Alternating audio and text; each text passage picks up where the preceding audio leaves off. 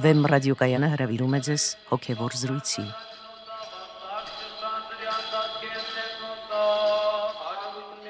Սիրելի ունկնդիրներ, Վեմ ռադիոկայանի եթերում են արժանապատիվ Տեր Մեսրոպ Քահանա Արամյանը եւ Արա Սարգսակյան Նալչաջյանը։ Այսօրվա մեր զրույցի թեման է մայրության խորհուրդը։ Օրհնյա Տեր հայր։ Աստված օրհնի։ Տեր հայր, թերևս աշխարի բազմաթիվ ազգեր, այդ թվում նաև մենք հայերս, մեր ամենանվիրական, ամենասրբագործված իրողությունների մասին խոսելիս հաճախ հավելում ենք մայր բառը որպես մի պատվանուն ասում ենք մայր հող, մայր հայրենիք, մարդկության նախամայրը Եվան, որ հենց կոչվում էր կյանք, նա մայրն էր բոլոր մարդկանց բանական էակների, նաև երկրորդ նախամայրը մարդկության Նոյի կինը Նոեմ Զարան, որ աստորեն դարձյալ նախամայր հանդիսացավ ամբողջ մարդկության համար, նրա անունով մի ամբողջ գավառ կա Արևմտյան Հայաստանում, որ Մարանդ գավառն է, որ թարգմանվում է մայրը այնտեղ է։ Եվ այս շարքը կարելի է շարունակել նվիրական սրբությունների եւ մայր բառի զուգակցության։ Ինչու է այդպես։ Նախ մայր հասկացությունը ինքը հիմնարար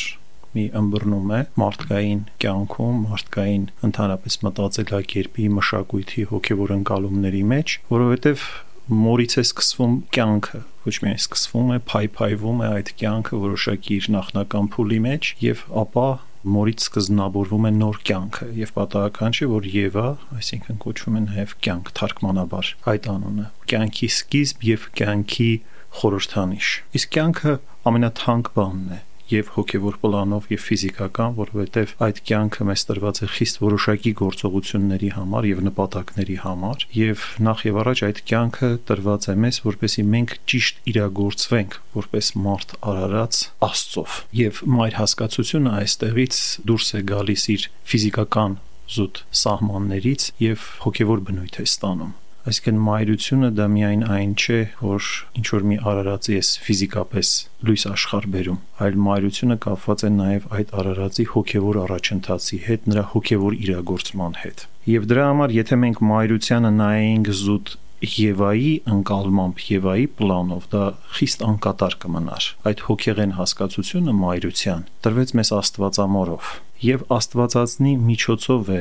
մեզ բացվում մայրության ամբողջ խորհուրդը իր անբծության, անաղարտության եւ հոգեվոր խորության մեջ։ Եվ զարմանալի մի բան է, որ Աստվածամայրը փաստորեն լույս աշխարհը բերում արարչին, ծնում է որպես մարդ տիեզերքի արարչին։ Դրանով այդ արարման խորհուրդը, որը նաև դրված է մայրության հիմքում, արարում է մարդ, արարածի արարում է, ստանում է նոր իմաստ եւ նոր խորուրդ։ Եվ նաեւ ստանում է մեզ համար լուրջ փրկաբանական իրողություն, որովհետեւ իր ծնունդով մարդկային կյանքը վերողված է դեպի փրկություն։ Եվ Աստվածամոր օրինակը նաեւ շատ կարեւոր մի օրինակ է, որովհետեւ Աստվածամայրը այդ պահին սпасում էր իր ամբողջ կյանքում։ Աստվածամոր ամբողջ կյանքի մեջ, եթե մենք նայում ենք իր մանկությունից սկսած, կար հոգեվոր մի լուրջ սпасում ողջախոհ սпасում մի կատարյալ սպասում։ Իհարկե ինքը չգիտեր, որ այդպիսի պատվի պետք է արժանանա։ Կարող ենք ասել ոչ միայն նրա ամբողջ կյանքում, այլ սերունդների պատմության մեջ կար մի լրջագույն սպասում, բայց սպասումը եկավ եւ խտացավ փաստորեն Աստվածամոր խորուրդի մեջ։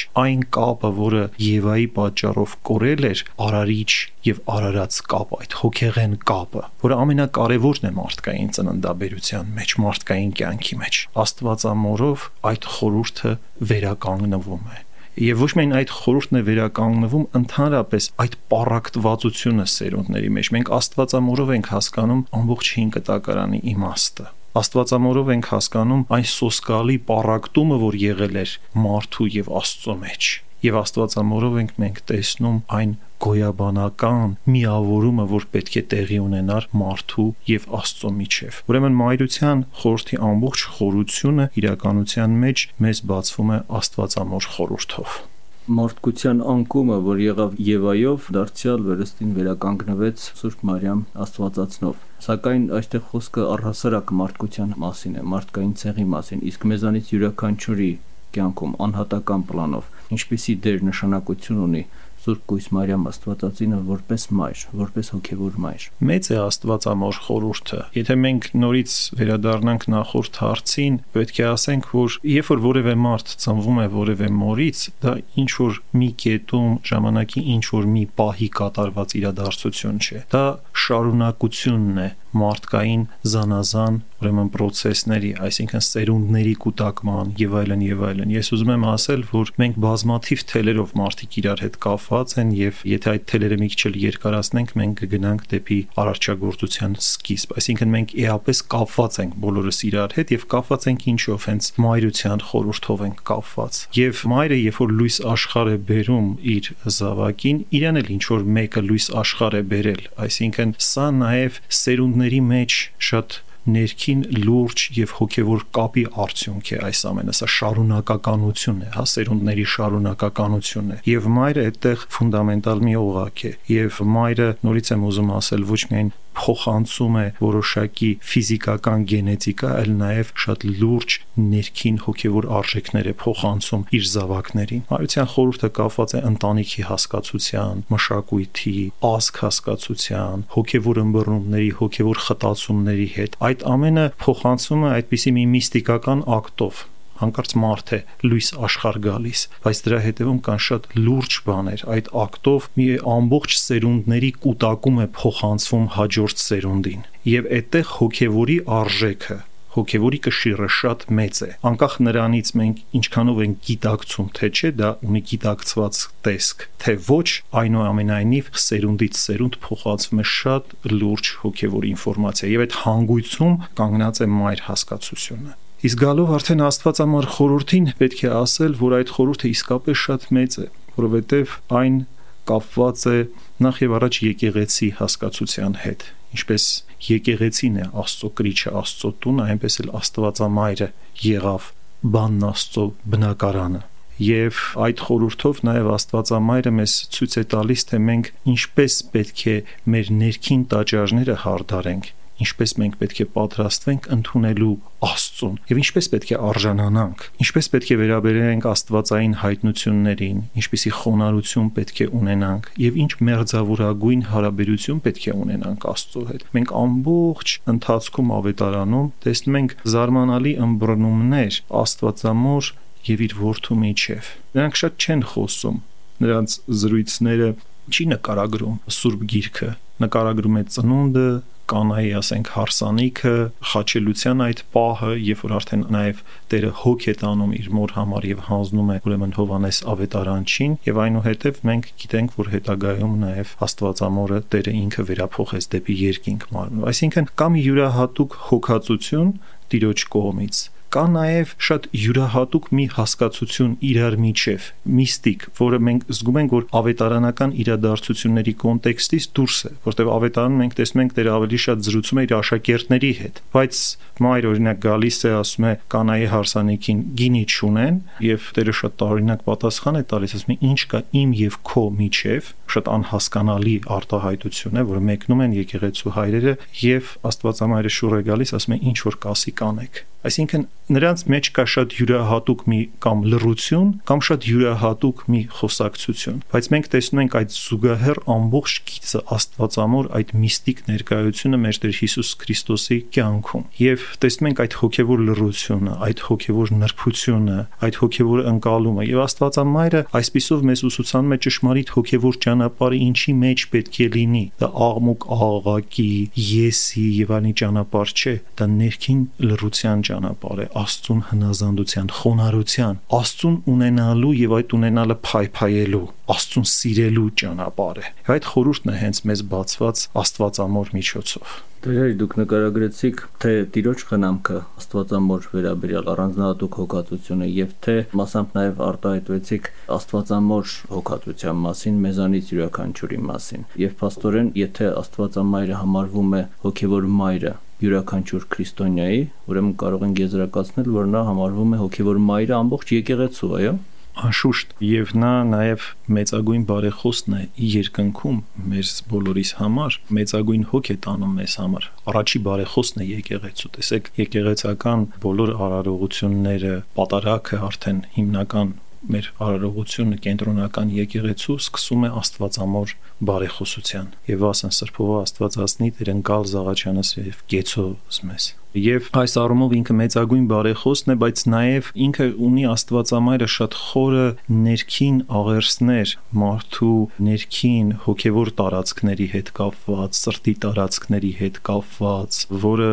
հենց երկնքի արխայությունն է մեր մեջ եւ ես խորապես հավատացած եմ, որ Աստվածամոր բարեխոսությամբ է, որ իսկապես մարդու սրտի դռները բացվում են եւ մարդը իսկապես սկսում է սրտաբուխ աղոտ կանել։ Սա այնպիսի մի բան է, որ շատ շատերն են զգում, երբ որ դիմում են Աստվածամոր բարեխոսությանը։ Շատ շատերն են խոսում այս մասին, որ նա ունի շատ յուրահատուկ բարեխոսություն հենց իսկապես մարդկային սիրտը առ Աստված բացելու համար։ Եվ եթե մենք նայենք, որ մեր սիրտն է հենց այն բնակարանը, այդ սրտի խորքից պետք է բխի, այդ սրտի ներքին տաճարում է, որ մենք պետք է մատուցենք մեր ճշմարիտ եւ բանական զոհը առաստված։ Մեր հոգով երկ ճշմարտությամբ այնտեղ պետք է երկրպակենք, ապա Աստվածամայրը իսկապես ունի շատ խորը խորուրդ այդտեղ։ Նա իսկապես երկնքի արխայության հենց դուրն է ուղակի եւ հենց իրենով է բացվում մուտքը դեպի երկնքի արխայության ներքին իրողություն։ Թերևս պատահական չէ այդ առումով Աստվածածնի այն խոսքը, թե այսուհետև ինձ Երանի պիտի տան բոլոր ազգերը եւ նաեւ պատահական չէ դրա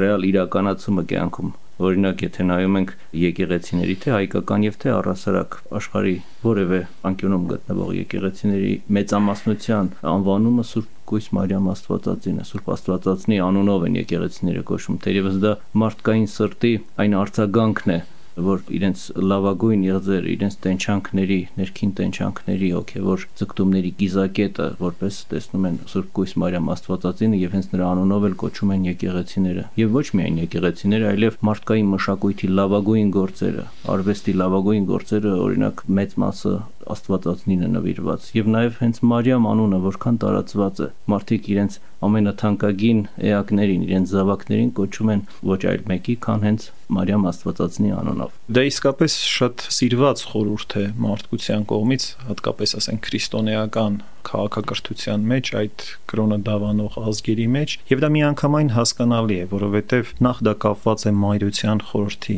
ընկալման հետ, այսինքն մայրության մաքուր խորհրդի ընկալման հետ, որտեղ Աստվածածինը նաև խորհրդանիշն է բոլոր մայրերի։ Իր մաքուր առումով քանի որ յուրաքանչյուր մարդու համար նաև մայր հասկացությունը ինքը որոշակի սրբություն է, ապա դա շատ հասկանալի մի բան է։ Եվ այս առումով բոլոր մայրերը իրենք պետք է նայեն Աստվածամոր օրինակի վրա, որպեսի կարողանան իրենց կյանքում իրագործել այդ խորհուրդը, որպեսի զուտ ֆիզիկական ընկալումներով կամ չափանիշներով չմոտենան իրենց զավակներին, այլ հասկանան, թե ինչպես պետք է այդ խորհուրդը արծարծված լինի իրենց կյանքում եւ ինչպես պետք է իրենք իրենց զավակներին դաստիարակեն եւ ինչ արժեքներ պետք է դնեն նրանց մեջ։ Ինչ ենք տեսնում նախ Աստվածամոր խորհրդի մեջ։ Նախ տեսնում ենք շատ խորը ներքին ուշադրություն, աղոթական ես կասեի ուշադրություն։ Եվ սա շատ կարևոր է։ Առանց դրա, առանց աղոթքի այդ հասկացության, թերևս դժվար է պատկերացնել, թե ինչ է մայրը։ Այսինքն, երբ որ մենք հոգևոր ընկալմամբ ասում ենք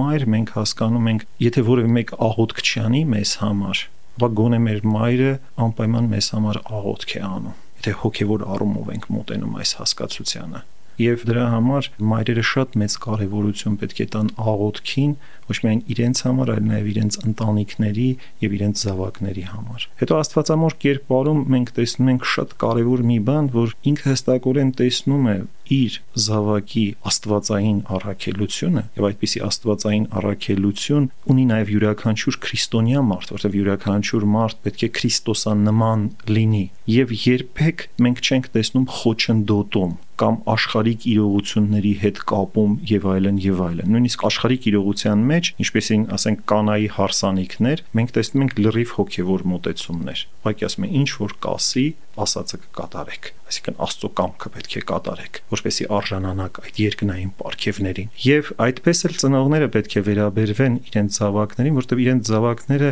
այս աշխարհին եկել Աստվածային որոշակի առաքելություն իրականացնելու, դրանք ծնողների սեփականությունը չեն Ուրեմն մենք հնարավորինս անկաշկանդ պետք է դարձնենք մեր զավակների կյանքը եւ պետք է փորձենք անել ամեն բան, որպեսզի նրանք իրագործեն այն հոգեվոր առաքելությունը, որի համար եկել են աշխարհ։ Աստվածամոր կերպարի մեջ մենք տեսնում ենք զարմանալի խոնարհություն եւ ես կասեի նաեւ զարմանալի անանձնականություն որը հոգևոր ճանապարհը անցնելու ամենակարևոր հատկանիշներից մեկն է։ Հոգևոր ճանապարհի վրա դու չես կարող ես դնել, եթե դնես կքանդվի ամբողջ քո հոգևոր հասկացությունը։ Հոգևոր ճանապարհի վրա դու չես կարող եսամոլությամբ տարապել, անznապաշտությամբ տարապել։ Պիտի դնես քո անձը մի կողմ, որպեսի ճշմարտապես վերականգնվես Աստծով։ Աստվածամոր նաև կյանքի կամ կերպարի մեջ մենք տեսնում ենք նաև ողջախոհության կատարյալ ըմբռնումը որը ծաղկեփունջն է բոլոր առաքինությունների, որը մաքրության խորհրդանիշն է։ Այսինքն տեսնում ենք գերամաքուր մի վիճակ,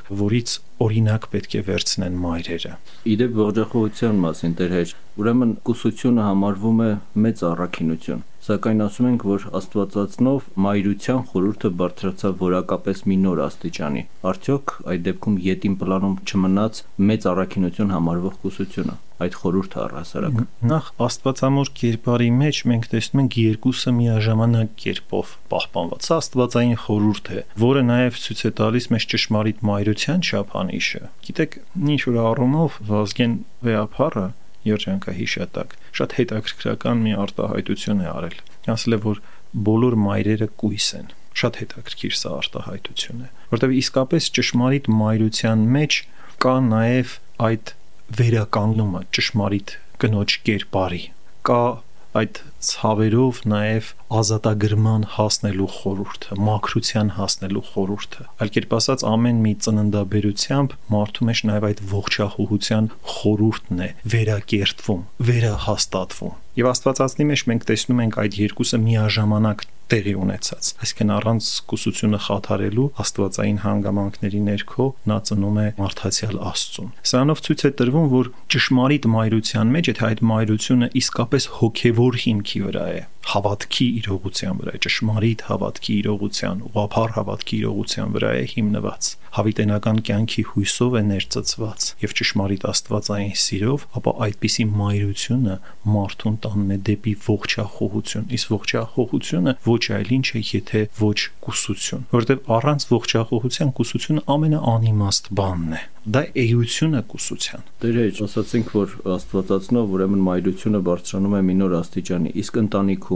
չէ որ մայրություն հասկացությունը սերտորեն կապված է ընտանիք հասկացության հետ։ Մայր եւ հայր, ծնողներ եւ զավակներ այս կոնտեքստում ինչպիսի փոփոխություն կրեց մայրությունը Սուրբ Գույս Մարիամ Աստվածածնով։ Մայրությունը նորից ընտանեկան զուտ մակարդակի վրա ինքը նոր մի երանգավորում ստացավ Եթե մենք վերցնում ենք արդեն ընտանիքը որպես ազգի կամ ազգային գոյության նվազագույն բջիջ, ապա հոգևոր առումով արդեն ընտանիքը մենք անվանում ենք միկրո եկեղեցի, այսինքն կամ մակրո եկեղեցին, որը Քրիստոսի եկեղեցին է ընդհանրական, բայց ամեն մի ընտանիք նաև իր փոքրիկ չափով ներկայացնում է մի փոքրիկ եկեղեցի եւ մայրն է հենց այդ ընտանեկան օջախի հավաքականությունը ապահովող խորհուրդը եւ այստեղ մայրության խորհուրդը նորից շատ կենտրոնական դիրք է գրավում եթե օրինակով փորձենք պատկերացնել եթե ասենք որ հայրը որ ասում են ընտանիքի գլուխն է ապա մայրն էլ ընտանիքի սիրտն է եթե չկա այդ սիրտը կանգնի այդ ընտանիքը այլևս այլևս քայքայված է, որտեվ մայրն է կապում բոլորին իր սիրով եւ մայրն է նաեւ ես կուզեի ասել, որ հիմնական արժեքների փոխանցումը, որտեվ ամենաշատ երեխաների հետ փաստորեն մայրն է շփվում եւ մոր հոգեվոր կարգավիճակից, հոգեվոր ընկալումներից շատ-շատ բան է կախված, թե ինչ են փոխանցվում իր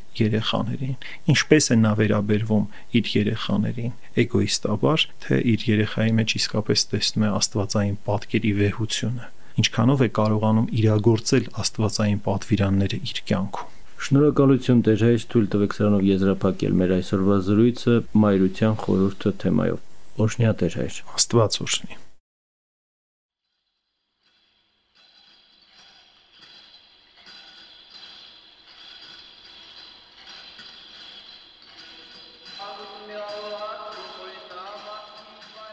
Հոգևոր զրույցներ հաղորդաշարի հերթական հաղորդումը վարեց Արաս Սարգսակ Նալչաջյանը